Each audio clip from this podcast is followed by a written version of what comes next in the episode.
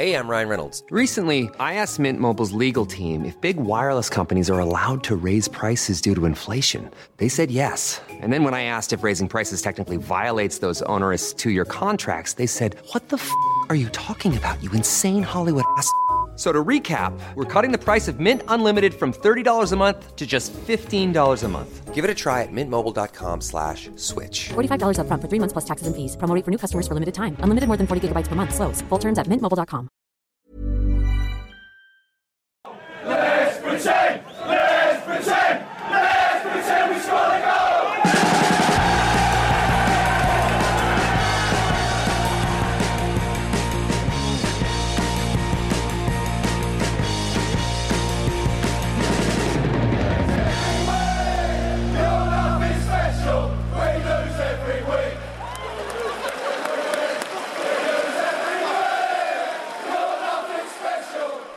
Sportbladets Premier League-podd hälsar välkomna för första gången eh, för säsongen 21-22. Det är helt galet vad tiden springer hörni.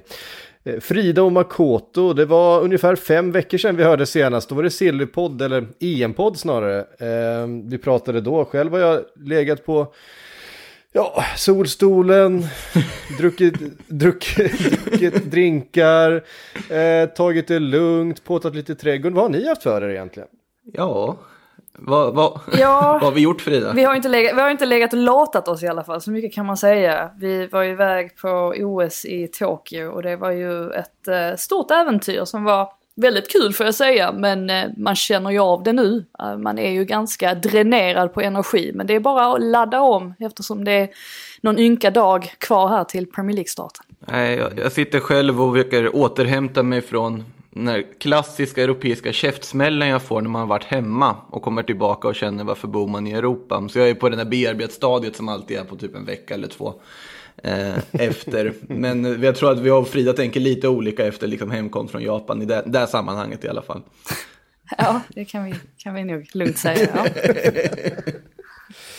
Ehm, vi ska gå igenom den liga som startar i helgen. Eh, det här är ju riktigt häftigt för Premier League är tillbaks. Eh, glad man blir. Vi ska vi göra som vi brukar göra. Vi tar, går igenom alla lag i bokstavsordning. Det blir bra va? Ja. Ehm, premiär imorgon. Eh, Arsenal. Högst upp i tabellen just nu då med noll matcher spelade. Eh, helt enkelt på att man eh, på, på, på bokstavs eh, koefficienten. Eh, Arsenal som har eh, värvat Ben White, förstärkt försvaret. Eh, men inte gjort så mycket mer egentligen. Mikkel Arteta bygger vidare. Eh, mycket handlar väl om Bukayo Saka, Smith Rowe. Ska de kunna ta ytterligare ett steg till? Vad, vad har vi på Arsenal, Frida, inför premiären imorgon? Ja, alltså först och främst så tycker jag väl att på värvningsfronten så är det ju skönt att se att man i alla fall plockar in spelare som är unga, eh, som, där man har ett mer långsiktigt tänk kontra då att man tar in någon avdankad Chelsea-spelare. Så på det sättet kan jag ändå tycka att det finns en sorts, eh, ja, en sorts logik och också att det är ganska skönt att se att de har börjat göra på det viset. Sen finns det ju förstås förklaringen till det också i att man inte kan plocka spelare från den översta gräddhyllan längre eftersom att man saknar Europaspel. Och det är ju någonting de kommer få utnyttja den här säsongen, att de faktiskt kommer ha mer tid ihop med laget på, på träningsplanen. För vi vet ju allihop att de senaste åren har ju präglats mycket av att de har haft en trupp som, där det kanske har funnits lite osämja, den har varit väldigt stor också vilket har inneburit att spelare har fått lämnas utanför helt från eh, registreringen och sådär. Så att på det sättet så kan det väl vara nyttigt då för Arteta att få så mycket mer tid med spelartruppen utan Europaspel. Med det sagt så är det ju verkligen upp till bevis för honom nu för att Arsenal måste ju ta, tillbaka, ta sig tillbaka till Europa. Eh, det är väldigt viktigt för, för klubbens fortsatta framtid, inte minst eh, ekonomiskt. Så att det finns ändå mycket, ja, en del, alltså mycket frågetecken kring Arsenal. En nyckel är väl att Aubameyang måste börja leverera igen. Han hade inte sin bästa säsong förra, förra säsongen. Finns ett orosmoment nu så här tätt in på premiärdagen som de förhoppningsvis kan åtgärda ganska snabbt och det är ju att man fortfarande står utan någon rejäl uppbackning till Bernt Leno och där har man ju försökt få loss Aaron Ramsdale väldigt länge men har inte lyckats. Vet inte vad det är egentligen som har, som har krånglat i dialogen med Sheffield United. Så att eh, det är ju ett eventuellt orosmoment då om Leno skulle skadas. Vad, vad gör man då? Eh, I övrigt så gäller, de, gäller det ju bara för dem nu att ja, försöka ta sig in till Europa. Vilket är lättare sagt än gjort. Det är ju många, många klubbar som har bra trupper i år. Mm, verkligen. Nej, det känns som att det är en... Eh, ja, de är liksom fortfarande i starten på en process att bygga upp ett nytt Arsenal här. Efter eh, en del frågetecken de senaste säsongerna. Mikael Arteta är vi väl inte helt på det klara med heller vad han eh, vad hans vision är och vad, vad, vad, hans bidrag kommer vara. Fast eh, det de gjorde under våren här liksom, det tycker jag ändå talar för att det finns någonting positivt här. Sen måste ju sägas den här Ben White-värvningen. Jag vill ju inte sträcka mig lika långt som, var det Sean Wright Phillips där i Talksport-studion sa att det var en bättre värvning än Varann.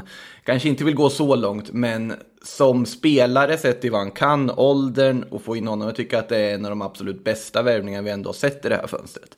Att få in honom mm. i det här försvaret. Det finns verkligen en sorts ledarpotential, att han kan bli den här backen som får ihop det här och bygger ihop det. Och han Gabriel tillsammans, det är ett mittbackspar jag ser väldigt mycket fram emot att se i alla fall.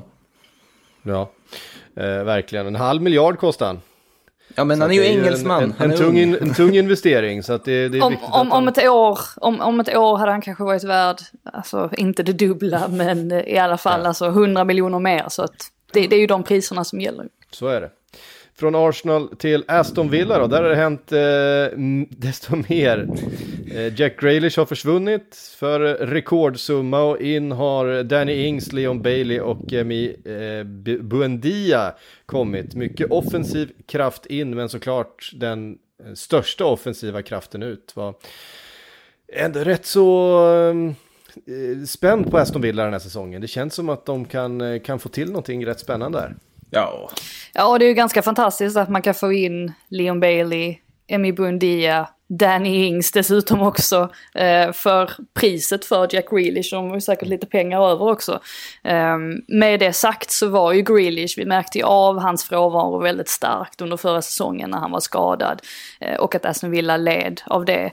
Ehm, samtidigt så alltså rent ambitionsmässigt så är det ju väldigt tydligt att Villa är inte nöjd ändå med att vara en mittenklubb. De vill ju gärna ta det där sista lilla steget som exempelvis Leicester har gjort, att man ska kunna slå sig in ännu högre upp och de har ju alltså ägare också som är väldigt förnuftiga på, på så vis. Ehm, väldigt intressant att se om de kommer ändra spelsystem nu i och med att Ings har kommit in och han är ju väldigt mycket en en nia eller en andra striker eh, på sätt och vis. Och Watkins då om de kanske till och med kommer att köra ett tvåmanna-anfall.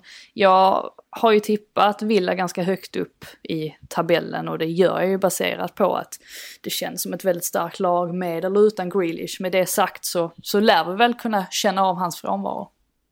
Mm. Uh, ja, det, det, det, är ju alltid sådär när det blir stora förändringar och framförallt när en stor stjärna försvinner att det blir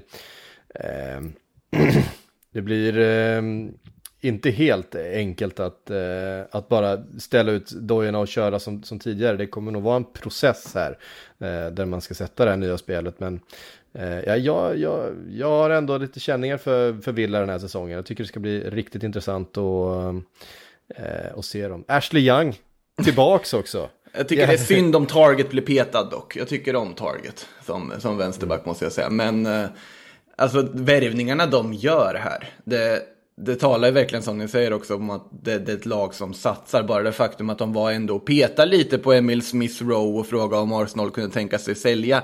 Det säger en del om deras självbild om inte annat. Att ja, vi, vi, vi, kan göra en sån här värvning. Det känns inte vanligt att ett mittenlag tänker att man ska kunna plocka en av liksom Arsenals allra intressantaste spelare. Eh, det, och att de plockar Buendia, de plockar Ings, de plockar Bailey. Det är ju spelare som kopplats till större klubbar tidigare. Och, mm. och det är för väldigt mycket pengar dessutom. Och att sälja Grealish för de pengarna de gör, ja det Såklart det är ett tapp, men det är väldigt, väldigt mycket pengar de får in för det också. Så att det känns ändå som en win-win situation för alla parter där. Eh, ska bli väldigt spännande att följa Villa den här säsongen. Mm. Eh, näst på listan, Brentford. Eller hur man nu ska uttala det eh, nu för tiden. ja, det är passande. Danska uttalet. eh, ett danskt lag i, eh, i Premier League. I alla fall Ja, väldigt- svenskt också. och, och, li, och lite svenskt. Pontus Jansson är där. Och Saman Ghoddos. Och samma, just det, samma gång. Men de värvar norskt nu Jen- också. Jens Kajust är på väg. Ja, ja, ja, hur är det nu med Jens Kajust? Blir det någonting till Brent? Ja, vi vet väl inte. Han, han väljer väl, eller väljer, men Midtjylland förhandlar väl både då med, med Brentford, vilket ju är lite eh, ironiskt med tanke på att det är ju samma ägare för båda klubbarna, samt då Rennes. Så vi får väl se var, eh, var Kajust, eh, var han hamnar någonstans. Men jag tycker det är ganska häftigt ändå att se Brentford uppe i Premier League. De har ju hållit sig till sin modell som lutar sig väldigt mycket på statistik och algoritmer och sådär för att hitta den optimala spelaren att plocka in. Och de håller ju sig oftast till spelare inom ett visst åldersspann just för att de har ett väldigt långsiktigt tänk. Och det tog ju lite längre tid innan de tog det här sista steget. Men nu kan de ju bara växa sig större och starkare i och med att de får in de här väldigt viktiga Premier League pengarna. Eh, ganska förutsägbara värvningar så här långt från, från deras sida. Och, vilket gör också att det är ganska svårt att placera dem i tabellen. Jag tycker å ena sidan att det känns som att de kommer göra en Leeds och komma väldigt högt upp i, i tabellen. Sen kan, finns det en sida av mig som kan känna att de kanske till och med åker ut. Det som troligtvis blir eh, viktigt för dem det är ju att eh, Ivan Tony kan fortsätta eh, sin fina målproduktion som han hade i Championship förra säsongen. Han bara öste in mål då. 33 Och, eh, mål. Det, ja, precis. Och det blir ju väldigt viktigt här då under säsongen för att de ska kunna klamra sig fast högre upp i tabellen. Det är ju oftast där det ligger. Har du en bra striker så kommer du väldigt, väldigt långt. Och jag tror att det kan bli, bli viktigt för Brentford i det här fallet. Alltså det, är ju, det känns ju som med alla de här med nykomlingarna den här säsongen att eh, de kommer få, få kriga hårt för det där kontraktet. Alltså det, eh, det, det är känslan jag har i alla fall. Men eh, vi har ju sett fram emot Brentford ta det här klivet i ett par säsonger nu. De har ju verkligen vuxit. Och, eh, Man kan ju tänka sig To- att- Thomas Frank kan få ut av laget här uppe. Man kan ju tänka sig att de kommer att liksom rivstarta på något sätt. Det är ju ändå ett lag som spelar på ett väldigt speciellt sätt, ett specifikt sätt liksom, som kan bli svårhanterat för Premier League-lagen som är etablerade när man möter dem. Men frågan är hur man hanterar eventuella liksom, downfalls under säsongen. För det kommer ju komma liksom, formsvackor. Och det gäller ju att de svackorna inte blir allt för allvarliga och att man ramlar allt för mycket när väl de kommer och beroende på om de kommer i början eller slutet eller så vidare. Så det är ju det som blir nyckeln på något sätt. Men jag håller med om att det är helt omöjligt att placera dem egentligen även om jag har dem på nedflyttningsplats i mitt tips ska sägas. Men eh, de kan ju lika gärna sluta liksom på övre halvan på nionde plats eller någonting också. Eh, Från Brighton, eller från Brentford till Brighton. Eh, detta olycksaliga, härliga, ineffektiva Brighton. Eh, som jag sålt Ben White såklart. Kanske- Tyckte nog kanske inte ens att han var deras bästa mittback under förra säsongen. Eh, det finns ganska Nej. bra eh, täckning där bak ändå. Så att eh, få in en halv miljard för Ben White. Eh, kanske skulle man kunna lägga det på en målskytt. Ja, alltså Ben White, det ska ju sägas att han, han har ju en ljusare framtid på så vis att han är betydligt yngre. Eller att han är yngre eh, än de övriga och jag alltså, betvivlar inte alls att Ben White bara kommer att växa och han kommer säkert ta sig in i landslaget på allvar också i, framöver. Men absolut, alltså Louis Dunk och Adam Webster var ju strået vassare. Eh, särskilt Dunk stack ut och är ju väldigt viktig för dem. Jag är lite orolig just nu för Brighton och det beror på att de har ganska många spelare som som är skadade, alltså bland annat då Dan Burn, eh, knäskadad här de tre första matcherna tror jag. Och eh, Danny Welbeck sitter på en ljumskada också. Eh, alltså mot Getafe vet jag att Potter, då formerade han trebackslinjen där med, med Webster, Dunk och Fältman. Men Fältman vet vi ju också att han måste täcka upp för Tarek Lamptey som fortfarande inte är tillbaka. Så att det finns ju ganska mycket bekymmer för Potter på så vis att de inte har plockat in sådär jättemycket spelare under fönstret. Och, vilket gör då att supportrarna blir lite oroliga. Samtidigt så vet vi å andra sidan att de kan spela väldigt, väldigt fin fotboll. Så att, eh, ja, får de bara till det där alltså XG, att de lyckas omvandla alla sina målchanser till, till fler mål så är det väl klart att de ska kunna hamna högre upp i tabellen. Just nu är jag lite orolig för dem i alla fall. Eh, hoppas ju att Särskilt där, Dan Burn, det trodde man aldrig man skulle säga, men han är väldigt viktig för dem nu när det faktiskt har blivit lite tunnare där bak. Så att, eh, ja, vi får väl se hur de klarar av starten här. Ja, de behöver ju värva en striker i alla fall. Det känns ju så. Ja. De har ju värvat sin, eh, vad heter det, Bissoma-ersättare redan i och Muepo på mittfältet. Men oavsett om Bissoma försvinner eller inte så känns det som att de hade behövt en extra där. Så den värvningen är ju på förhand intressant även om man inte sett jättemycket av Verbia Salzburg förutom att läsa lite statistik. Det ska man ju ändå vara transparent nog med. Men en forward tjatade man ju om förra säsongen och forward har ju inte kommit in här. Så att eh, någonting måste de ju göra på den fronten i alla fall. Ja, nej, det... Jag, jag, är väldigt förvånad över att du inte reagerar på att de har plockat in en japansk Ja men han går ju på lån till Belgien direkt. Alltså, Ja. Kauru Mitoma, han är, han är bra. Han är liksom snabb, vass och med i OS-truppen här, men han ska ju... Om, om svenska spelare har problem att, att etablera sig i Belgien när de ska ut i liksom eh, proffslivet så är det ju tvärtom för japaner som har liksom frodats där innan de har gått vidare till andra klubbar. Så att låna ut honom till Royal Union Saint-Giosé, ursäkta uttalet, känns väl som ett eh, strålande val i början. Men det är väl mer för framtiden, Mittoma har kommit in. Långsiktigt tänk. Så är det. Ja, men att Potter kommer få det här laget att fortsätta spela fotboll och, och, ehm, och se intressanta ut, det tror jag vi kan vara rätt säkra på. Men någon måste ju göra mål.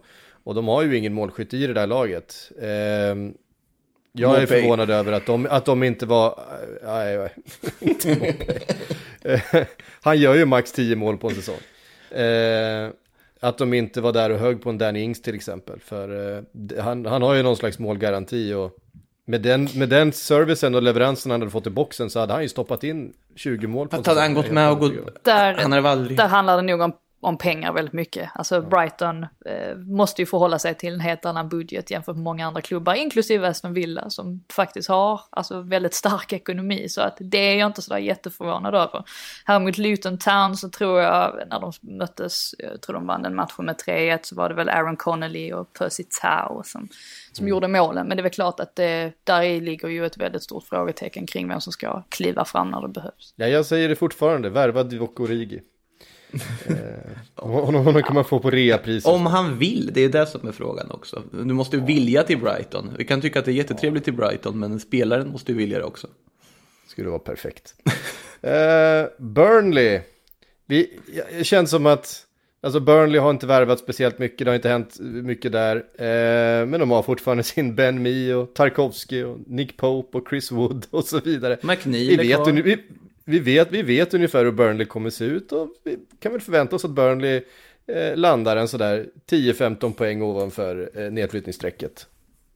Jag är lite orolig för Burnley faktiskt, men det beror främst på vad det är som pågår alltså bakom kulisserna på ledningssidan. De har väldigt många vakanta positioner just nu. Det kom in amerikanska ägare så sent som vid årsskiftet som väl inte riktigt har hittat sig själva eller man vet inte riktigt vilken väg Burnley kommer ta. Nu är ju Sean Dyche fortfarande kvar, vilket är alltså ett, ett gott tecken i alla fall för att där tror jag att hade han försvunnit, han ryktades ju exempelvis till Crystal Palace ett tag, då tror jag att Burnley hade fått väldigt svårt att hålla sig kvar i Premier League. Nu vet man att Daesh kan, ja, men han kan ju trolla med knäna i stort sett och ändå lyckas få dem att hålla sig kvar trots att de inte plockar in spelare och sådär. Så att vi får väl se, det, det är väl ingenting som lär förändras så tillvida, alltså spelsystem och sådär. Vi vet alla, allihopa hur, hur Burnley spelar. En annan sak som är viktig är ju också att de har fått behålla en sån som Dwight McNeil till exempel. Han skapade ju väldigt många målchanser för Burnley förra säsongen. Jag tror det bara var Ashley Westwood som var, var bättre än honom. Så att det är viktigt att man behåller en sån ung spelare. Det signalerar ju ändå någonting utåt. Och dessutom alltså James Tarkovsky som vi vet har ryktats många år från Burnley att han också fortfarande är kvar. Så att på det sättet så är de ju måna om att behålla sina viktigaste spelare. Men ja, jag har, eh, jag har satt Burnley ganska långt ner i tabellen det här året och det är just på grund av att det känns som att de har hamnat lite i, eh, i stiltje. Ja, noterade att Joel Mumbongo har gått till Accrington på lån. Visste ni det? Ja, ja. ja. Inte jättekul lånedestination kanske. Det finns inte så många roliga lånedestinationer egentligen. sig sant. det, är oftast, det är oftast Oldham och, och sådana. Ja, det är i och för sig sant. Det är i och för sig sant. Eh, Ett lag som däremot ser eh, spännande ut och som kommer ha med toppen att göra är ju Chelsea som eh, fick ordning på grejerna under eh, Tuchel eh, under våren, tog Champions League-bucklan. Ehm, ja, ser dessutom ut att förstärka den här riktigt eh, spännande, intressanta truppen med en av Europas allra hetaste strikers i Romelu Lukaku. Det är ju inte, det är ju inte samma eh, tonåring som eh, sprang runt på Stamford Bridge eh, för ett antal år sedan som i så fall kommer tillbaka. Det är ju en helt annan fotbollsspelare. Men alltså att de värvar Lukaku, det säger om det nu blir av vilket det verkar, så det säger ju verkligen hur desperata de var efter en ny nia. På alla sätt och vis, att den plötsligt dyker upp. Ja, alltså det, det var ju där det, det fattades förra säsongen. Målskyttet var ju inte där. De var ganska långt efter eh, Manchester City och United och, eh, och de andra topplagen i, i antal gjorda mål. Eh, Det tror jag inte Det var ju, man kommer det vara. var ju Georg, Jorginho var ju deras bästa målskytt och han gjorde alla sina mål på straffar. Det säger ju väldigt mycket, jag tror det var sju mål eller någonting sånt där Ja. om jag inte minns helt fel. Så att det är väl klart att de behövde, de behövde ju förstärka där. Jag tror väl också att Lukakus intåg kan avlasta både Havertz och Werner. Framförallt Werner som ju har varit väldigt eh, wasteful framför målet och missat väldigt mycket från, alltså, från två meters håll. Eh, och jag tror att en sån grej hade nog inte gått hem särskilt väl på Stamford Bridge efter ett tag om man fortsätter att göra på det viset. Ehm, så jag tror verkligen att Lukaku som är betydligt mer klinisk på det sättet ehm, säkert kan ehm, ja, alltså säkert kan hjälpa eh, de spelarna också. Eh, Kai Havertz är en sån som jag tror kommer explodera ordentligt under säsongen. Jag har ju faktiskt tippat Chelsea som titelvinnare och det är klart att det är väl inte att man präntar ner det och känner, att, känner sig övertygad om att det kommer hända men ja, alltså Roman Abramovic brukar ju leverera en, en ligatitel minst vart femte år så att det är ju dags nu igen för dem och med tanke på att de har väldigt många bitar på plats just i Tuchel som är en väldigt skicklig tränare, de har ett väldigt, väldigt starkt försvar. Det tror jag kan bli en, en viktig nyckel med tanke på att Man City faktiskt vacklade lite grann. Alltså, vi har inte pratat så mycket om det, men de släppte faktiskt in ganska många mål där på slutet kontra då vad Tuchels Chelsea gjorde. Så att det tror jag kan bli väldigt viktigt.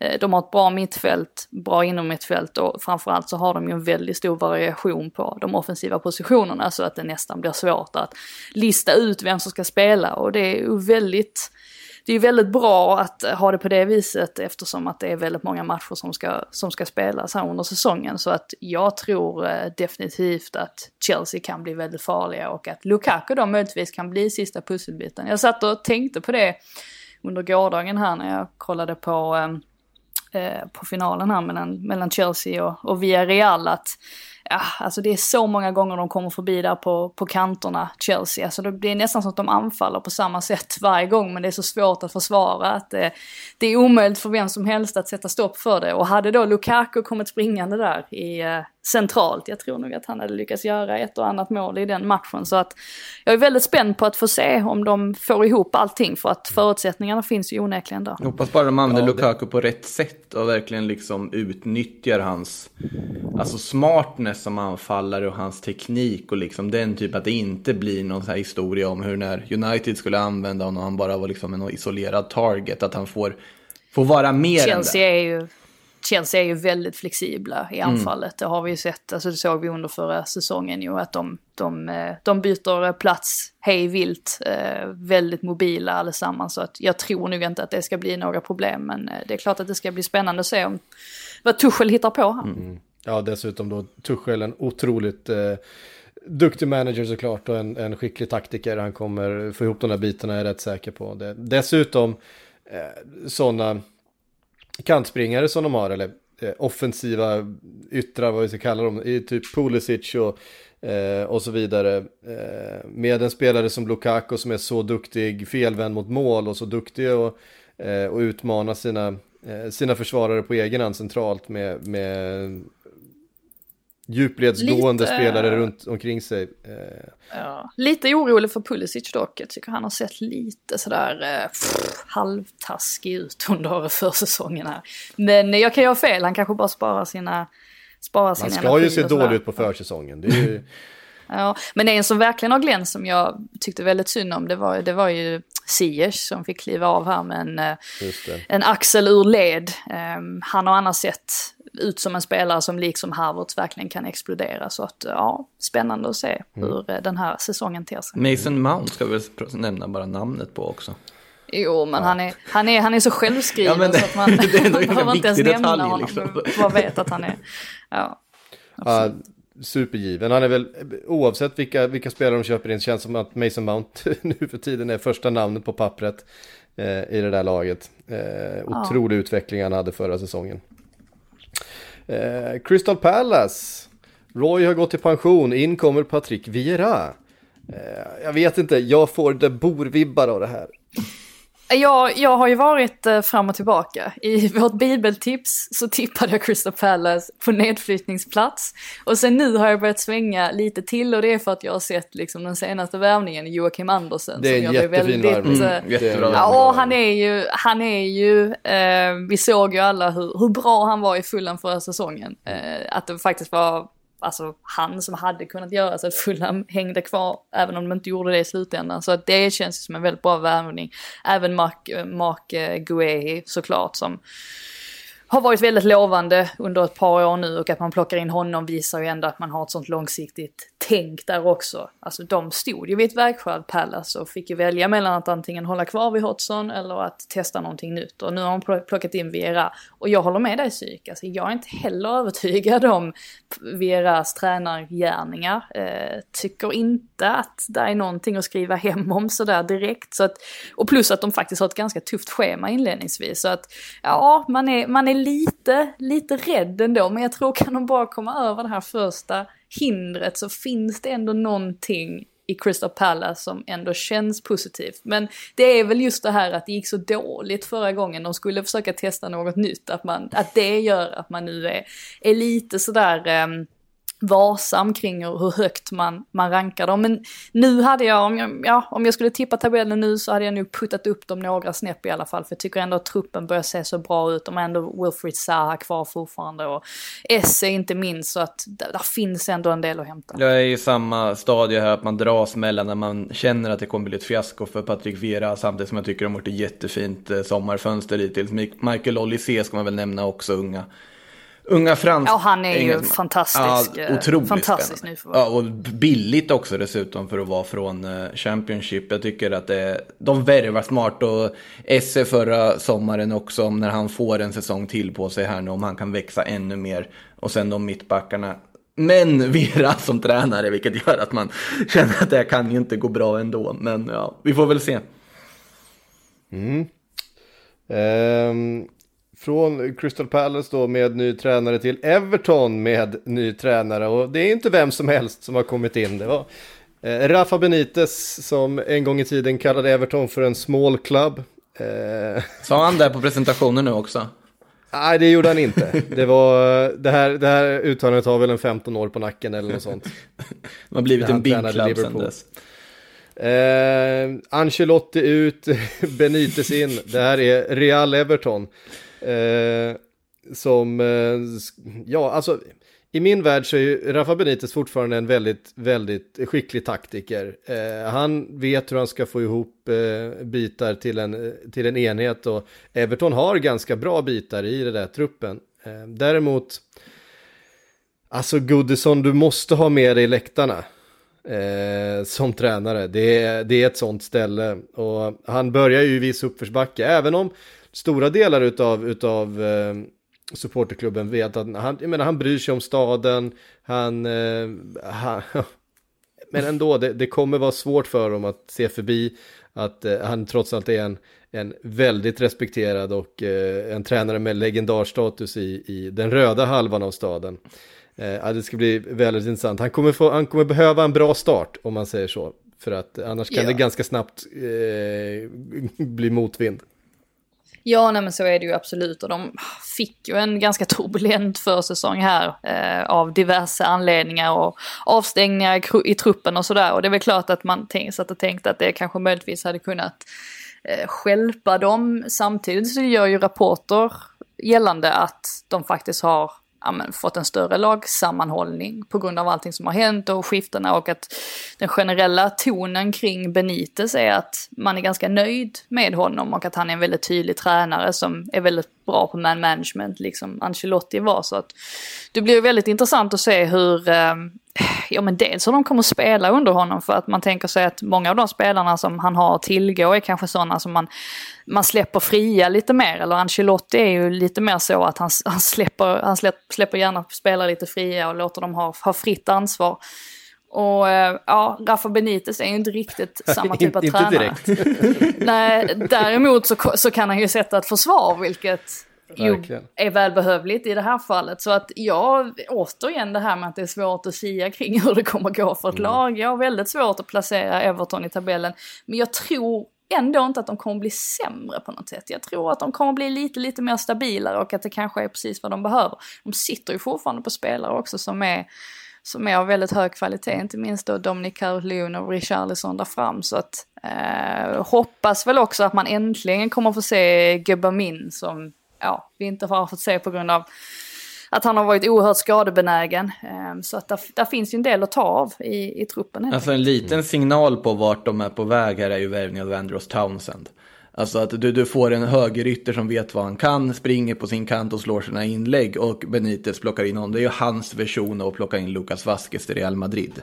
Att han får något, han vet precis vad han kommer få på den kanten. Och det säger ju en del att det kanske är just den typen av spelare han vill ha, som man vet precis vad man kommer få av och vet precis hur han ska använda dem. Eh, Så det blir nog ett mer strukturerat Everton. Inte bara på grund av Townsend-värvningen såklart, men jag tycker ändå den är något ta Cool fact a crocodile can't stick out its tongue. Also, you can get health insurance for a month or just under a year in some states. United Healthcare short term insurance plans, underwritten by Golden Rule Insurance Company, offer flexible, budget friendly coverage for you. Learn more at uh1.com. Ja, det är två helt olika filosofier som byts här. Eh, Ancelotti som är väldigt god vän med alla spelare, har en eh, fin relation och en bra dialog mot en Benitez som ofta delar ut en väldigt tydlig eh, order till en spelare, en, en uppgift, precis så här ska du röra dig, utan att förklara varför egentligen, eller, eller varför han har gjort så, utan det är bara det, är bara det som gäller. Kän- Känns ju inte som att, känns inte som att Chamez kommer att blomstra under de... eh, Det är, det, jag, jag tror att Chamez är, är inte Benites första spelare på, på plan, jag tror verkligen inte det. Jag tror han bänkas. Eh, han kanske spelar ändå, eh, men, men det är ju inte... Alltså Benitez, Benitez vill ju ha spelare som, som kan ta en väldigt tydlig instruktion utan att ifrågasätta den eller att gå för långt ifrån den på planen, för då, då kommer han plocka ut dig. Ehm, och eh, det funkar i vissa trupper eh, och det funkar inte i andra trupper. Ehm, eh, men vi får se. Vi får se hur det blir. Jag tycker Everton har ett spännande lag. Samtidigt så är det svårt att se dem slå sig in topp 6. Men de Ja, men då ska är det ju vara där och kriga om den där sjunde platsen. eh, Typ med eh, Aston Villa och ja, kanske Arsenal. Ja. Eh, eller varför inte Leeds? Eh, Leeds som eh, slutade nia förra säsongen då och ehm, eh, har plockat in Junior Firpo till exempel då från Barca. eh, Makoto, kan han, kan, kan han riva upp världen? Det, det värsta är att jag tycker det här är en jättesmart värvning av när jag tycker att Junior Firpo är en bedrövlig fotbollsspelare. Eh, men det, det är ju för att alltså, han, i Barcelona så funkade han inte. Det var, det var en konstig värvning från början. Det kändes som att han kunde ju inte ens, liksom, hans kant var ju tom även när han spelade i en fembackslinje. Att det fanns liksom inget försvarstänk hos honom överhuvudtaget. Han har inte jättemycket kvaliteter offensivt egentligen heller och eh, bara allmänt medioker. Men Alltså när han kommer till en annan miljö här i Leeds får säkert större förtroende. Det skulle inte förvåna mig om det här blir en supersuccé. Faktiskt. Som, som liksom wingback. Sen är, ja sen är ju Marcelo Bielsa expert också på att han plockar in en spelare som sägs ha en viss position och sen slutar de med att den spelaren spelar precis överallt. Liksom Stuart Dallas Ja gjorde men det är perfekt. Junior. Firpo har inget positionsspel. Så det är ju helt utmärkt. Då. Nej.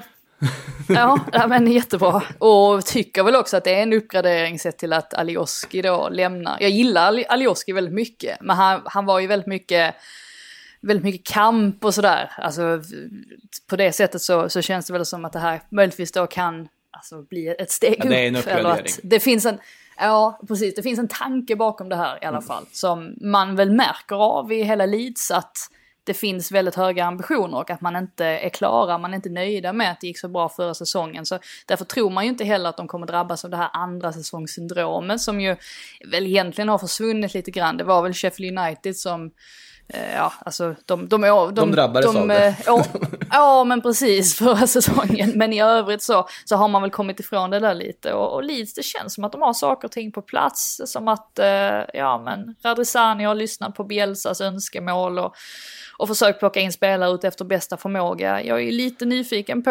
18-årige Louis Bate från, från Chelsea där som, som kommer in också för att det känns ju verkligen som att spelare kan komma in och sen så få ett verkligt lyft under Bielsa eftersom att han är så han är så bra på det på något sätt. Och Rafinha också som jag tyckte var säsongens bästa nyförvärv kanske förra året. Uh, han är ju kvar, Patrick Bamford, ja, han tystade ju alla tvivlare, kommer kanske inte göra lika många mål, men vem vet. Uh, så att ja, mycket, mycket bra att hämta i Leeds. Får ju en tuff start här direkt med möte mot Manchester United, men det, ja, jag är inte särskilt orolig för dem i alla fall, det är jag inte. Nej.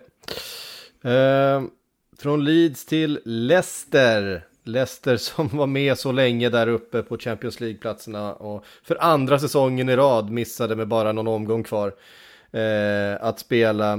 Eh, inte haft någon eh, speciellt rolig försäsong heller när Wesley Fofana bröt benet efter en riktigt stygg tackling. Det är så jäkla trist. Det är så jäkla ja, trist alltså. Jag såg, eh, det var någon som, eh, som skrev att, eh, vad heter han, Villarreal-spelaren, nu kommer jag inte ihåg vad han heter, eh, borde, inte, borde inte spela förrän eh, Fofana gör det, för att sådär gör man inte på en försäsong. Mm. Men äh, det är riktigt, riktigt tråkigt för Leicester och nu pratas det väl om att äh, de ska försöka värva in Westergaard där från, från Southampton för att, för att täcka upp den, äh, den förlusten. Men vi får se, de, är ju, de ska ju ändå spela i Europa, de ska spela Europa League och, och de kommer behöva en, en bred trupp. Mm. Har värvat en del dock. Patson Daka, jättespännande spelare in, som Liverpool drog i också. Eh, Somar Ryan Bertrand kommer in från just eh, Southampton. Ehm, och dessutom en, eh, en väldigt bra trupp.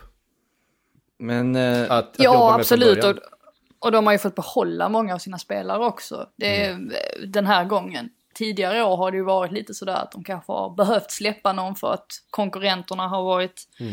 har varit efter dem i fråga. Men den här gången så, ja, så står de med ungefär samma trupp och det är ju bra på ett sätt. Samtidigt så såg vi ju också att de kunde få det ganska tufft under förra säsongen om några nyckelspelare föll bort och just därför så var ju den här skadan på Wesley Fofana, den, den var ju, eh, ja, den är ju ytterst olycklig på så vis att man kan tänka sig att Leicester ska få lite, lite långsiktiga problem då om de då, om de då inte får in en, en tydlig ersättare då som Västergård till exempel.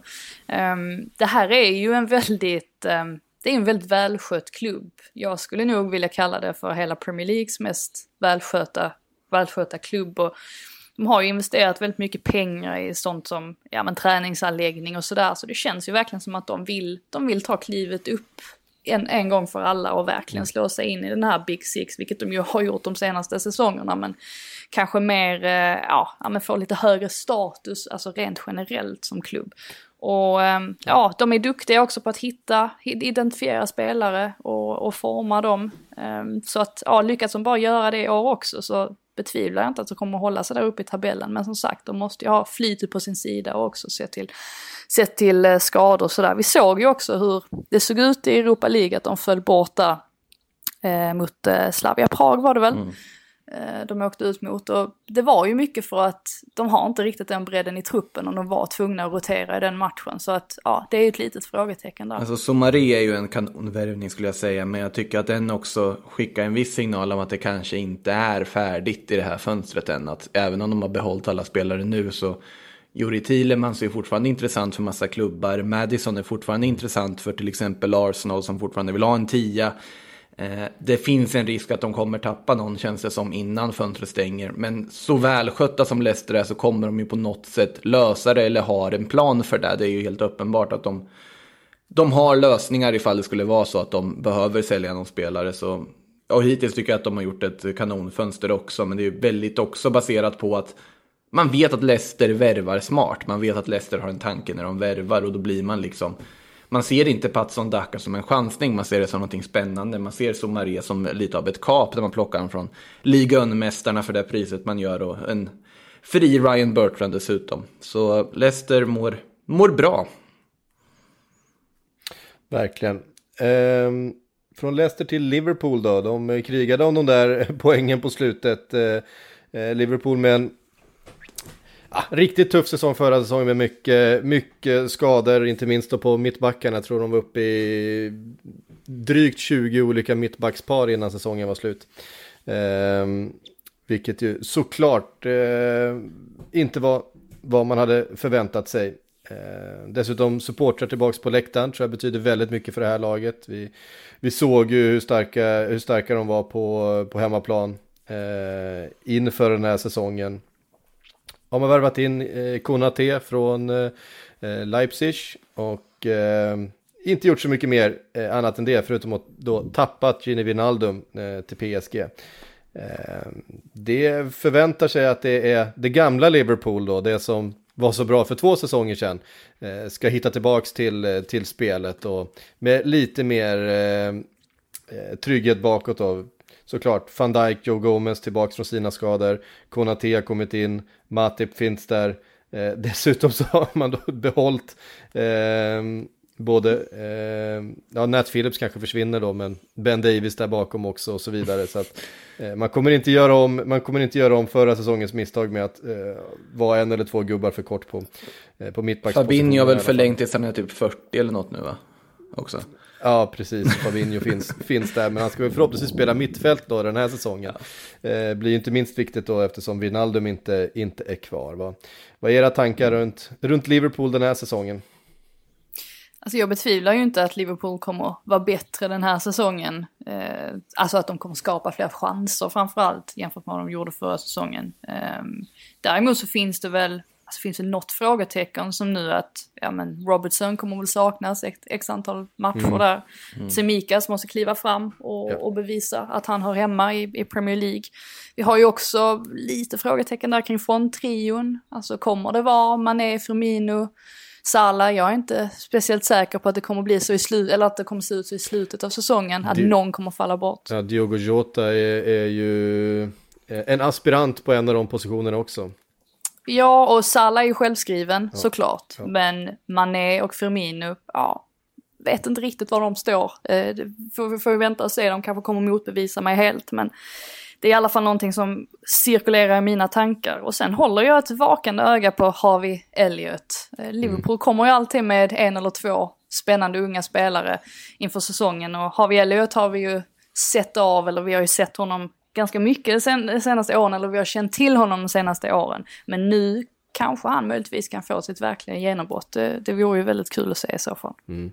Han hade en väldigt fin eh, lånesäsong då förra, förra säsongen och eh, han kommer nog vara med här. Han kommer nog få en del speltid. Han är född 2003 mm. så att eh, han fyller väl 18 här om han inte har, eh, har gjort det. Eh, så att eh, otroligt ja, ung. 90, eller fyller inte 19 i december? Eller jag kanske har helt fel. Det kanske var någon annan spelare ja. jag kollade på. Eh, han född 2003 i alla fall.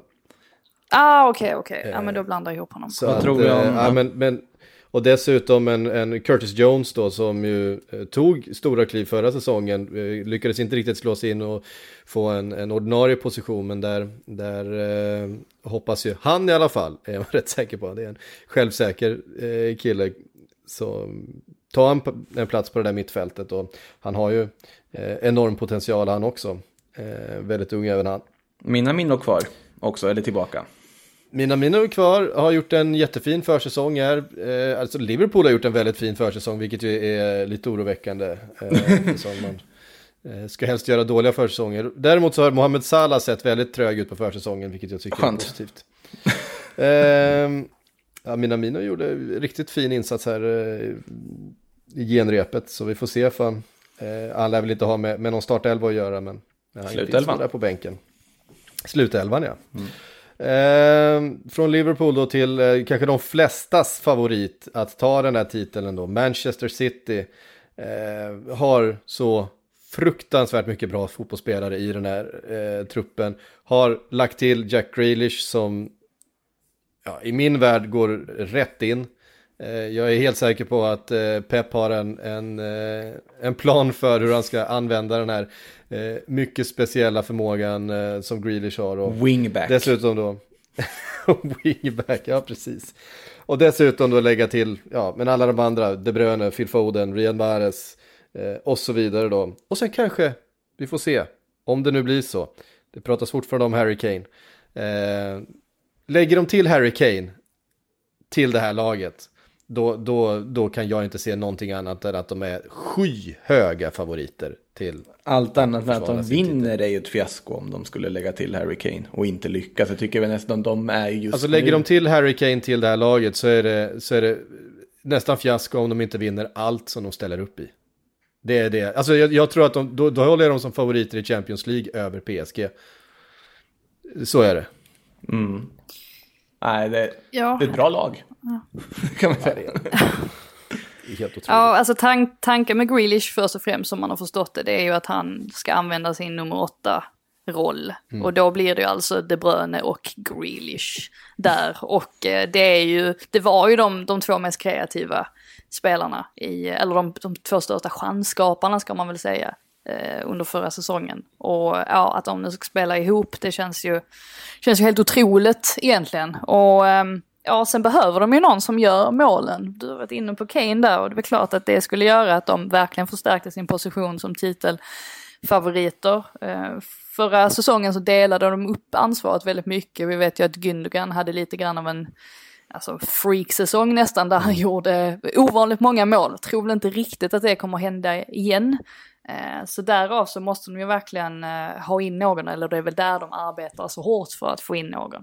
Återigen, jag har lite reservation för försvarsspelet faktiskt. Och ehm, det, är väl det, som gjort, det är väl det som har gjort också att jag har lutat mer åt Chelsea, eller att jag har tagit stuckit ut hakan i alla fall och, och sagt att Chelsea kommer vinna. Eh, jag tror att det kommer bli väldigt tight den här säsongen och därav kan den typen av saker göra väldigt stor skillnad. Eh, men eh, ja, vi får väl se. Men vem, vem skulle ni säga är liksom centralforwarden i startelvan nu till premiären, liksom om man ser liksom alla skadefria och sånt? Är det De Bruyne som falsk nia med eh, alltså Grealish och eh, Ja, Gündogan ja det bakom? tror jag. Det verkar väl som att, det verkar väl som att han har föredragit det. Eh, Jesus har ju inte direkt fått, fått sådär jättestort, jättestort förtroende och, och, och sådär. Så jag tror väl i så fall att det är en falsk nio. Varna, Fast- varna lite grann för Ferran Torres där. Mm, ja, jag tänkte också Ja, lite precis. på... Han har ju också spelat i, men det är ju också en falsk nia ju. Ja, precis. Alltså, det- jag, är inte, jag är inte helt säker på att... Eh, eh, eller jag, jag har en liten sån där eh, sneaking suspicion att eh, Pep har, har en sån plan för eh, Ferran Torres. Nu var det första säsongen i, i, i laget förra säsongen. Gjorde ju en del mål, inte minst i Europaspelet. Men att han kommer få en större roll där uppe eh, den här säsongen. Men, ja, Och det vi får, väl sägas också, om- det får väl sägas också om en sån som Grealish att nu förväntar sig ju alla att han bara ska komma in och leverera omgående. Ibland har det ju tagit någon säsong för spelare under Pep Guardiola att komma in i det ordentligt. Så var det ju med Mares exempelvis. Um, så att även om Grealish kommer in med en väldigt hög prislapp och således får man väldigt mycket press på sina axlar så tycker jag ändå att man ska ha i åtanke att det är bara för, och skulle det se lite trögt ut nu så här inledningsvis så ja, det är, ing, det är ingen fara på taket tror jag. Jag tror att det kommer i så fall. För han är lite grann av en oslipad diamant ändå. Det är klart att han är en fullfjädrad Premier League-spelare på många sätt. Men jag tror nog att det finns ännu en dimension i honom och jag tror att Pep Guardiola kan få ur den. Det är ju en omställning om inte annat på att vara den som styr allt till att vara den som ska styra tillsammans med väldigt många andra som gillar att styra. Så att bara det blir ju spännande att se hur han hanterar det. Nej, och sen är det ju försvarsspelet som sagt. Det är ju, det kanske är lite tunt där. Eh, Nathan Ake ska vi, eh, för Manchester Citys bästa inte starta så många ligamatcher. Eh, till exempel. Han var inte värd de pengarna riktigt. Nej. Det känner man ju så här efter. Det, det skulle jag vara. Chelsea dodged the bullet there kanske. Ja, Eh, kanske det. Måste ju bara Eh, nämnas att Manchester- eh, Scott Carson nu tillhör Manchester City också. det är viktigt. Det, jag tycker det är viktigt. Ja, det är vackert. Ja, det är fint. Eh, från Manchester City då såklart till Manchester United som eh, har väl gjort sin kanske bästa värvningssommar på, eh, på mycket länge. När man har fått in Jadon Sancho som man har jagat eh, sen Sancho var 12 typ. Eh, det känns som det har pågått i jättemånga säsonger även om han är väldigt ung fortfarande. Eh, och dessutom då Rafael Varan från, eh, från Real Madrid, supervärvning. Ja, För, alltså. ett, för ett helt okej pris dessutom. Ja, eh, varann-värvningen är den här liksom på något sätt heliga graalen för många Premier League-klubbar under väldigt många år. Så fort det har pratats om mittbackar, om att behöver få en ny mittback, som har sagt ja men Rafael Varann har varit kul. Nej, men det kommer inte gå, vi får köpa Harry Maguire istället, eller vi får göra det här istället. Eh, nu har han flyttats, nu vart det liksom läget när Real Madrid desperata ville offloada pengar för att på något sätt kunna värva Kylian Mbappé, vilket de nu har stämt La Liga också för att kunna göra, men det är en helt annan historia. Eh, Varann i alla fall i United, ja det är ju jättetråkigt för Victor Nilsson Lindelöf till att börja med, men om man bortser från de svenskglasögonen, att få in honom bredvid Maguire, ja det har ju det finns väldigt mycket som talar för att det här kommer bli väldigt, väldigt bra.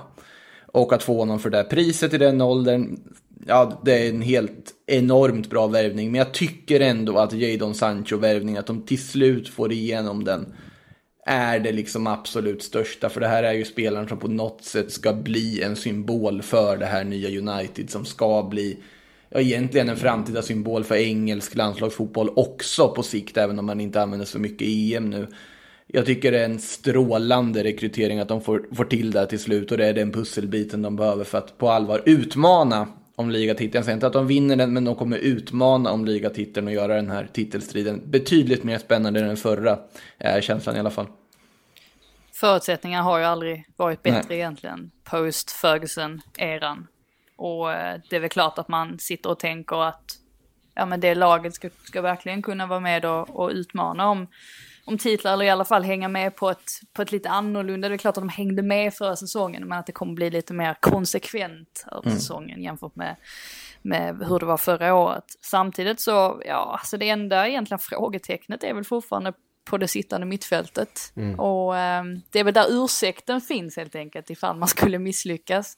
Eh, I övrigt så tycker jag väl att ja, men bara det här att Pogba ser ut att bli kvar nu, det är ju alltså, en väldigt stor seger i sig. Tyckte att han var en av de absolut bästa spelarna i EM och även att Solskjaer liksom har lärt sig lite grann hur han ska använda Pogba i de större matcherna på ett sätt där man får ut mycket mer av honom. Så att eh, ja, det är säkert många supportrar som sitter, eller de flesta supportrarna sitter säkert och hoppas på att det kommer att bli en, en ljus säsong för Uniteds del. Och eh, ja, det, det ser det ju faktiskt ut att bli. Ja, från ett United till ett annat då, Newcastle.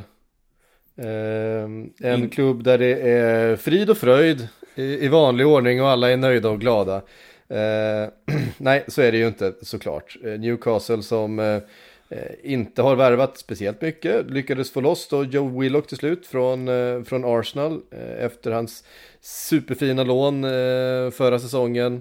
Eh, men annars är det väl investeringarna som gjordes i eh, Callum Wilson och så vidare som ska fortsätta leverera den här eh, säsongen. Ja, vad, vad, säger vi om Steve Bruce och hans, hans gäng? Är det eh, kan de försvara den?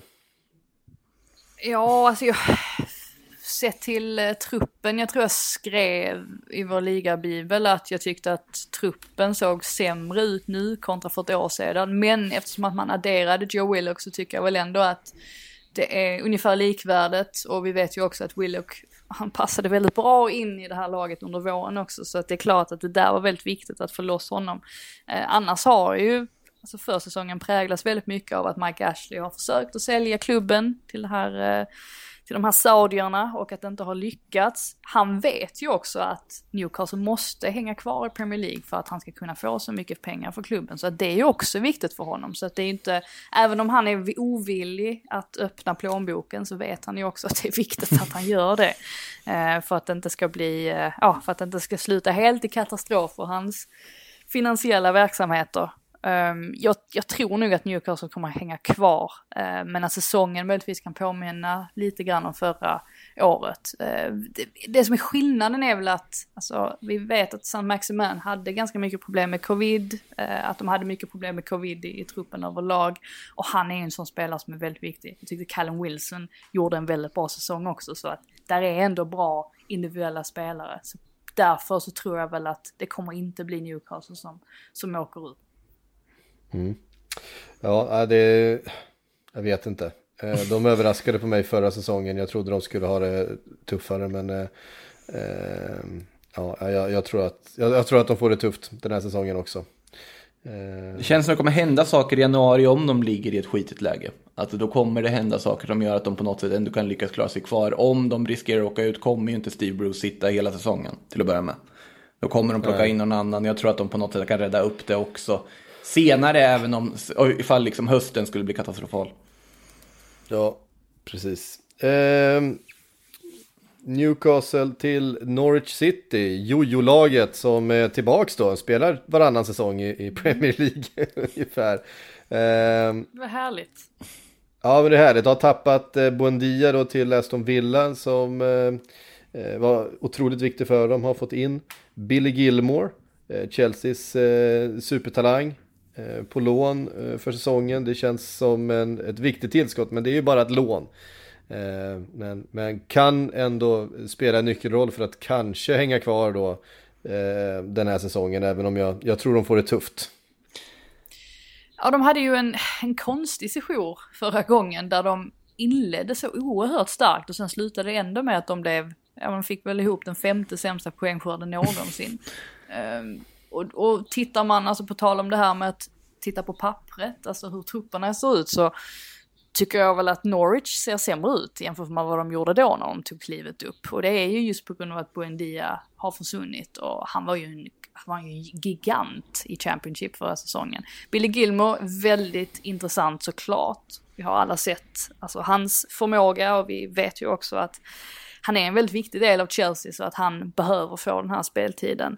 Eh, men ja, det är ändå lite orolig för dem sett till att de kanske möjligtvis kommer, eh, inte kommer få till tillräckligt många mål för att hålla sig kvar. Men ja, jag, jag lever på hoppet och tror väl kanske att Farke då har lärt sig lite från gamla, eller av gamla synder och att de möjligtvis kan hänga kvar. Men eh, jag håller med, det, det känns väl inte helt eh, sådär stabilt. De, de har ju raidat Werder Bremen, vilket jag tycker är lite intressant. här. Milot Rashikas alltså har kommit in och var ju en spelare som för ett år sedan kopplades till väldigt mycket större klubbar. Eh, var otroligt nära Bayer Leverkusen, men det föll ihop där på deadline day där på hösten. Nu får man honom för väldigt billigt pris dessutom här. Om han kan liksom, han har en extremt hög högsta nivå, så om han hittar den så kan det bli en väldigt kul spelare att följa i Norwich tror jag. Och sen unga amerikanen Josh Sargent som någon form av understöd eller liksom avlastning till Pucki där framme också. Jag tycker ändå de har gjort ett ganska bra fönster överlag här så att eh, jag är nog inte riktigt lika orolig för dem måste jag säga. Jag tror att det, det känns som att de har lärt sig från det första, första äventyret och borde kunna ha möjlighet att åtminstone inte få den femte sämsta poängnoteringen i ligans historia utan åtminstone förbättra den till den här säsongen. Sen om det räcker till ett nytt kontrakt eller inte det återstår väl att se men tycker ändå det finns goda möjligheter att klara sig kvar. Får jag i alla fall känslan av när jag tittar på truppen. Mm. Ja, eh, frågan är om de ska kunna klättra förbi Southampton, ett av lagen som eh, många har långt ner i tabellen eh, eh faktiskt efter eh, att de flesta säsonger vi har sett dem ändå överraskat och, och, och spelat fint, men Eh, försäljningen av Danny Ings, försäljningen av Ryan Bertrand, nu pratas det om Westergaard, eh, kommer rykten om James Ward-Prowse. Det känns som en nedmontering av det Southampton som vi eh, har på något sätt vant oss vid ändå ska, ska finnas med i, i eh, eh, som inte är någon slags topputmanare men, men i alla fall i mitten av tabellen. Upp till bevis för Alf blir det. Ja, verkligen. Mm. Jag är väl inte helt övertygad om Southampton faktiskt. Jag är, är, ganska orolig för dem också. Det känns väl å andra sidan som att jag är orolig för alla lag. Men här, ja, dels ska man försöka klara sig utan Danny Ings. Ehm, man har i och för sig plockat in alltså två spelare som väl sticker ut och är ganska intressanta och det är ju Amanda Brocha från från Chelsea där på ett säsongslångt lån. Och sen så har man ju även plockat in Adam Armstrong. Jag tror väl att den är klar eh, från Blackburn, 24-åring som är väldigt intressant. Så att eh, problemet är väl att de, de har ingen Premier League-erfarenhet på det Nej, sättet. Jag skulle precis säga det, det, det känns som Championship-värvningar. Jag är ledsen, men ja, det där alltså känns det, som Championship-värvningar. Det, det, är ju tufft att, att lägga över allt ansvar på dem. Jag eh, tror möjligtvis att Nathan Tella är en sån som kan verkligen skina under säsongen. Tyckte att han såg väldigt fin ut eh, stundtals. Men ja, jag, som sagt, jag är, jag är ganska orolig för Southampton. Eh, det råder ju lite turbulens också på ägarsidan som möjligtvis kan påverka.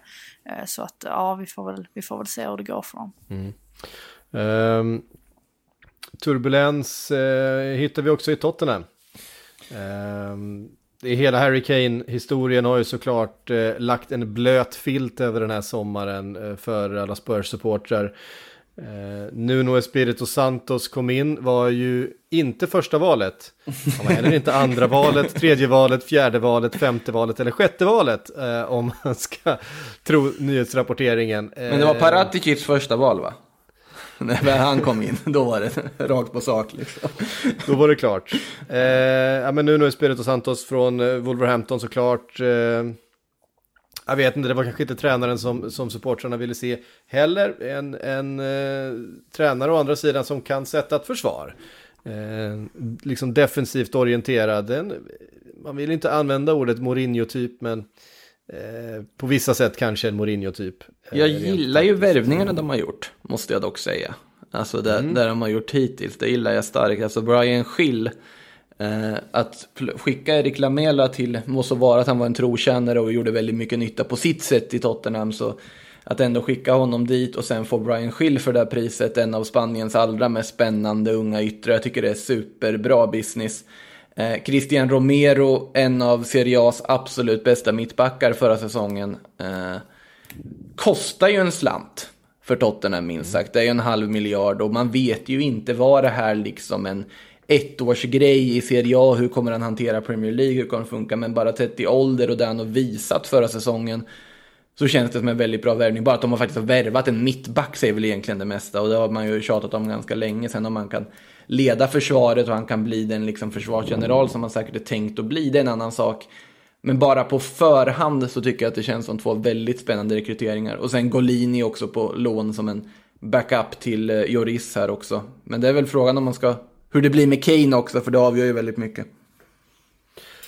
Jag håller, jag håller inte med riktigt om att alltså, Nuno och José Mourinho är sådär jättelika. Jo, det är klart att de är portugiser båda två och Nuno lärde sig säkert en del av Mourinho i, i Porto, men Ja visst, båda är pragmatiska också, men Nuno är ju ändå lite mer flexibel sett till hur han spelar. Han är ju en sån som, han får en trupp och sen så anpassar han sitt spelstil, eh, sitt spelsätt utifrån det. Det gjorde han ju i Wolves, det var ju därför han spelade med en trebackslinje, för det var någonting som han inte hade gjort tidigare under sin karriär på det mm. sättet. Då hade han föredragit andra spelsätt. Så att Eh, på det sättet så, så, tycker jag väl att Nuno är väl en lite mer spännande tränare jämfört med Mourinho. Samtidigt så blir det så svårt att eh, bedöma hur bra han egentligen är med tanke på den säsongen som Wolves hade nu senast där Nuno ju försökte implementera en fyrbackslinje, vilket misslyckades fatalt. Och sen hade han dessutom den här svåra skadan på Jiménez som gjorde att målskyttet blev lidande. Det var ju en, en, en katastrofal säsong egentligen för, mm. för Wolves del. Eh, men ja, nu är det ju clean sheet här för honom så att eh, förhoppningsvis kan han väl få saker och ting på plats. Det verkar ju i alla fall som att spelarna generellt uppskattar hans träningar jämfört med Mourinhos träningar. Det är kanske inte så svårt heller med tanke på att Mourinho sades, ja dels tränade de ju inget anfallsspel överhuvudtaget och det var väldigt mycket sådär att det, det, var inte så mycket instruktioner. Nuno, där han, för honom är allt instruktioner så att eh, det kommer bli väldigt rak och tydlig kommunikation. Jag är intresserad främst av att se vad som händer med Ndombele. Eh, han har varit väldigt svår för nästan alla tränare som har tränat Tottenham eh, och det är, ju, det är ju rätt många nu egentligen. Det är ju Pochettino och det är Eh, det är Mourinho och så vidare. Eh, alla, har, alla har haft tufft att få, få in honom i laget och det är ju en sån där spelare där det finns så mycket mer att ge och jag tycker det vore synd ändå om Spurs om det slutar med att de, de säljer honom. Eh, så att ja, det blir spännande att se Deli Ali också om, eh, om han får en, ett lyft. Eh, det blir också intressant att se. Mm. Jo, min son kritade på nytt kontrakt. Eh, betyder såklart mycket för dem. Han är, han är viktig för deras målskytte men allt handlar om Harry Kane och vad som händer med honom. Eh, jag är väl ändå 60% säker på att han är kvar efter deadline day men eh, det, är, eh, det, det, är fortfarande, det, det, hänger fortfarande över hela det här laget och han har ju eh, inte dykt upp på träningar och så vidare. Det, det, ser ju mer och mer ut som den här situationen med ungefär med, med Gareth Bale och Eh, och så vidare före han lämnade så att vi får, vi får se här. Daniel Levy är en tuff förhandlare åt, åt alla håll. Eh, och om Manchester City har, har finanserna så, så tror jag att de kommer, de kommer kliva in där och han verkar själv sugen på att lämna sen. Blir han kvar så tror jag inte att det kommer vara en, en, en sur och eh, eh trög Harry Kane. Det är fortfarande en, eh, en spelare som har kommer spela för det där klubbmärket eh, om han blir kvar. Men han har ju gjort det väldigt tydligt med att han, att han vill lämna och vill spela för en eh, ja, större klubb då, eller i alla fall en Champions League-klubb. Eh, han kanske inte kommer ta alla sina maxlöpningar i, i Europa Conference League. eh, Watford, den eh, tredje och sista nykomlingen då, har till viss del eh, några, några intressanta spelare kvar från senaste eh, vändan i Premier League. Ismail Azar till exempel. Eh, har fått in Danny Rose eh, och eh, en striker i Ashley Fletcher. Eh, Josh King. Josh Emmanuel King. Denis. Just det. Från eh, Klubb Brygge. Många strikers som har värvat. Mm. Men ja, alltså, har ändå svårt att se Watford eh, göra så jättemycket väsen av sig den här eh, säsongen i, i, Premier League faktiskt. Ja, nej men så är det väl. Det var väl ganska tacksamt ändå för Cisco när han kom in förra säsongen när det hade gått uselt under Vladimir Ivic och han kunde komma in och, och köra sin egen grej och det funkade ju väldigt bra där men vi vet ju alla att Premier League är ju en annan nivå jämfört med Championship. Jag har ju tippat Watford i, i botten av tabellen och hoppas att jag har fel. Eh, men eh, ja, jag tror att det kan bli väldigt tufft för dem att, att hänga kvar. Med det sagt så är det ju alltid svårt att, svårt att bedöma dem så här på, på förhand och baserat på några förluster under försäsongen. Eh, en sak som var bra som man kan nämna som positiv är ju att Watford fick in ganska många av sina nyförvärv väldigt tidigt. Och det var just för att Chisco ville ha tid att arbeta med dem. Så det är ju definitivt ett, ett plus. Men ja, jag förväntar mig väl att, att ehm, de möjligtvis kan få det ganska tufft under säsongen. Jag sitter och tittar på Peter Etebos namn och inser att det var ju tre år sedan jag tyckte han var så fruktansvärt bra under VM där. Det har gått ett tag sedan dess. Han har inte riktigt fått det här lyftet efter det nu på, på lån från Stoke City. Men om han är lika bra som då, då är det ju en kanonvärvning. Men det känns inte som att det finns någon garanti för det direkt. Nej. Eh, West Ham, hela förra säsongens stora överraskningslag såklart. Eh, David Moyes vi var många som hade skrivit av dem inför förra säsongen men de eh... Nej, vi var inte många, det var du. Det, det, var, det, vi var, det är klart det var många som hade skrivit av dem. Ja, det, det, var inte många som eh, tippade dem sist. Det var ingen annan som tippade dem på... Nej, jag hade dem inte tips på mitt... Jag hade, jag hade dem inte sist på mig, jag hade dem på nedflyttningsplats. Vi tar flera olika tips. Det, det, det, vi minns tipset av The West Ham sist, det är där, där du kommer minnas från. Ja, det var ju min sån där skämttips. Nej, men du har rätt. De, fick, de, de hade ju, alltså hela försäsongen var ju, eh, kantades ju av det här med att alla var så upprörda på att mm. de, de släppte yngre spelare, Diagana där. Till West Brom var det väl framför allt och det verkade ju som att det verkligen knakade i fogarna. Men ack så fel vi hade den gode Mois. Eh, han kan också trolla med knäna liksom Daesh och eh, plocka in namn som man kanske inte tror kommer ha någon större inverkan på ett Premier League-lag. Men Craig Dawson, ja, still going strong. Och eh, det enda ah, som man blir lite bekymrad över nu så här ett år senare, det är ju att de dels har den här tunga Europaryggsäcken som de måste bära och den kan ju ställa till det för dem. Med tanke på att det inte finns något direkt djup i truppen och inte på de offensiva positionerna heller. De har ju inte Jesse, Jesse Lingard den här gången. Eh, han har ju försvunnit. Eh, ben Rama är väl möjligtvis en sån som kan steppa upp och liksom ta över den rollen lite grann. Men jag tror väl ändå att de kommer att tappa placeringsmässigt. Eh, lyckas de hålla i den, den formen som de hade förra säsongen så, så tycker jag att det är otroligt imponerande. Mm, ja, jag håller med. Eh, sen så är det klart det finns en väldigt eh, liksom stark eh, ryggrad i det här laget med Declan Rice, med Thomas Zuzek, med Michael Antonio eh, och så vidare. Men, men eh, också svårt att se att de kan upprepa förra säsongens eh, succé. Sist men eh, inte minst ändå, Wolves eh, som eh, kliver in i en ny era då sen eh, Nuno lämnat. Eh, där finns eh, Raúl Jiménez tillbaka efter sin eh, skallfraktur. Eh, Adama Traoré, Pedro Neto. Det finns spännande spelare i laget men vad, ja, vad säger vi om, om eh, Wolverhampton egentligen eh, inför den här säsongen? Alltså, jag, jag gillar ju Trincao-lånet de gör från Barcelona. Alltså, det, det, det, alltså han, han var inte så bra i Barcelona, absolut. Det är fortfarande väldigt mycket liksom framtidspotential snarare än kvalitet här och nu på honom. Men det är ju en spelare som Barcelona ändå trodde ganska mycket på, som de betalade väldigt mycket pengar för, för ett år sedan. Och då att man utnyttjar Barcelonas desperata läge i den situationen och faktiskt trodde att man kunde behålla Lionel Messi, åtminstone utåt sett då, fortfarande. Och fick Trincao på det här lånet med köpoption. Jag tycker att det är... Eh, det kan bli en supersuccé för han har väldigt mycket fotboll i sig, den yttern. Och... Eh, eh, det tror jag kan bli bra, men jag tror att det är en väldigt smart rekrytering. Sen är det ju inte överraskande direkt att när Rui Patricio lämnar att man väljer att ersätta med en annan portugis i mål med José Sa som kommer in från Olympiakos istället. Det är väl en bra målvakt, det är väl ungefär det man kan säga, men det blir nog inte någon sån här super-Wolves på det sättet vi ändå såg för några år sedan. Men jag tror inte att det är ett lag som behöver oroa sig över att vara allt för långt ner i tabellen heller.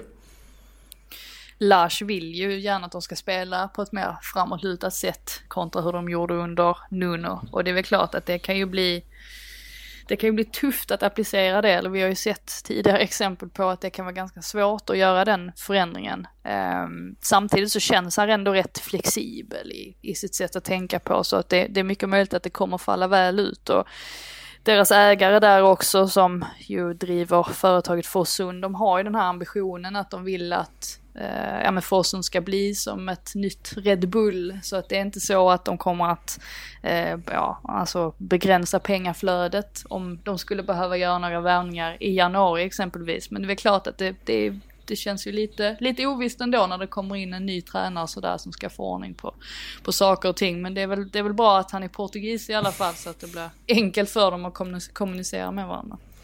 Ja, alltså, vi kommer ihåg att Bruno Lars har en säsong som huvudtränare i bagaget före han kliver in här. Och det är förra säsongen då med, med Benfica. Så att det är inte någon super eh, rutinerad. Han har i och för sig varit assisterande i en jäkla massa klubbar i, i England också eh, tidigare. Men eh, som huvudtränare har han ja, en säsong då som Benfica B och en för Benficas A-lag. Och det, det, det, det är vad han har i bagaget inför den här utmaningen.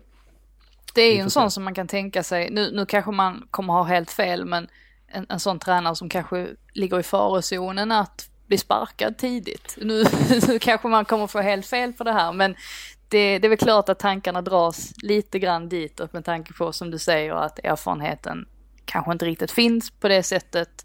Eh, kanske framförallt också att man inte har erfarenhet från Premier League. Jag vet att det är en, det är en tröttsam grej att, att säga det här med att oh, Premier League är så mycket mer annorlunda jämfört med andra ligor. Men eh, Alltså alla säger det ju som jobbar här också, att det faktiskt är en ganska stor skillnad och att det i vissa fall handlar om att man måste akklimatisera sig så att, eh, och lära sig ja, lära sig lite grann om det fungerar. Så att eh, vi får väl hoppas att eh, vår gode Lars här, att han får tillräckligt mycket tid på sig för att göra det. Alltså när, när man plockar en orutinerad tränare finns det ju två alternativ, även om det inte är uttalat. Och antingen är det att du ser en väldigt stor potential att bygga någonting på sikt, eller så ser du en placeholder. Och det är ju det som vi får se nu, vilket av dem det är ifall nu resultaten skulle gå lite sämre i början.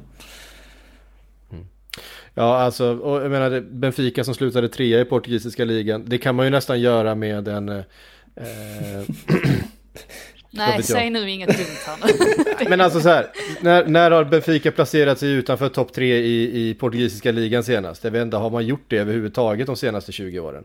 Eh, det tror jag inte. Det är väl alltid, alltid ha Benfica, Porto, eller? Sporting och Braga som är, är, är topp fyra i den, i den ligan. Men måste de väl inte hamnat fyra någon- någon gång? Nu ska jag kolla upp det här samtidigt som vi... De möjligtvis att har varit fyra någon gång, men det är, det är topp fyra i alla fall. Det är om, om Braga smu, smugit förbi vid något eh, tillfälle, men annars eh, är det ju en, är det ju en liga bestående av fyra lag eh, i stort sett. Och eh, övriga göra sig inte så mycket besvär. Nej, men så är det ju. Du... Eh, Eh, 2007-2008 slutade de fyra. Ja, du ser. Så att det är ju inte så att han kommer ifrån någon, någon, någon braksuccé i portugisiska ligan heller. Eh, så, men vi får se. Vi får se vad, vad han kan ställa till med i Wolverhampton. Eh, det var alla lag hörni. Eh, vi måste ju runda den här eh, genomgången med ett, med ett litet tips. Så jag vill ha er topp fyra och botten trea Oj. eh, helt enkelt. Jag vet att ni har gjort det tidigare så... så eh, Ja, då måste man ju försöka komma tips. ihåg vad man gjorde då. Det är ju Ja. också det, för att man Vad vill sa inte du? liksom... Topp top tre? Topp top fyra och botten tre. Topp fyra? Ja, Jag har väl kört på Chelsea, Man City, Man United, Liverpool. Och Det, det, det, det är de fyra lagen som, som de flesta kommer ha tror jag. Det är väl egentligen bara vilken ordning man sätter dem. Ja, precis. Lite olika ordning. Ja, Jag säger City, United, Chelsea, Liverpool. Ja. Ehm, och eh, b- botten kanske är lite... Du då? Jag, jag, jag reserverar mig för, jag, jag ska publicera någon slags ligatips där sen. Men jag, eh, jag behöver... Är West jag, är Ham fortfarande sist? på, jag, är fort, jag är fortfarande på semester. men jag tror också att det blir de fyra lagen. Sen, sen så ska jag dribbla lite mer om fram och tillbaka här. Men jag tror också att det blir de fyra lagen. Jag tror att, jag tror att Manchester City vinner, så kan jag säga. Ehm, Botten men också. eh, botten också. Eh, jag eh, hittade mitt eh, svar för att jag tar samma som jag körde till bil.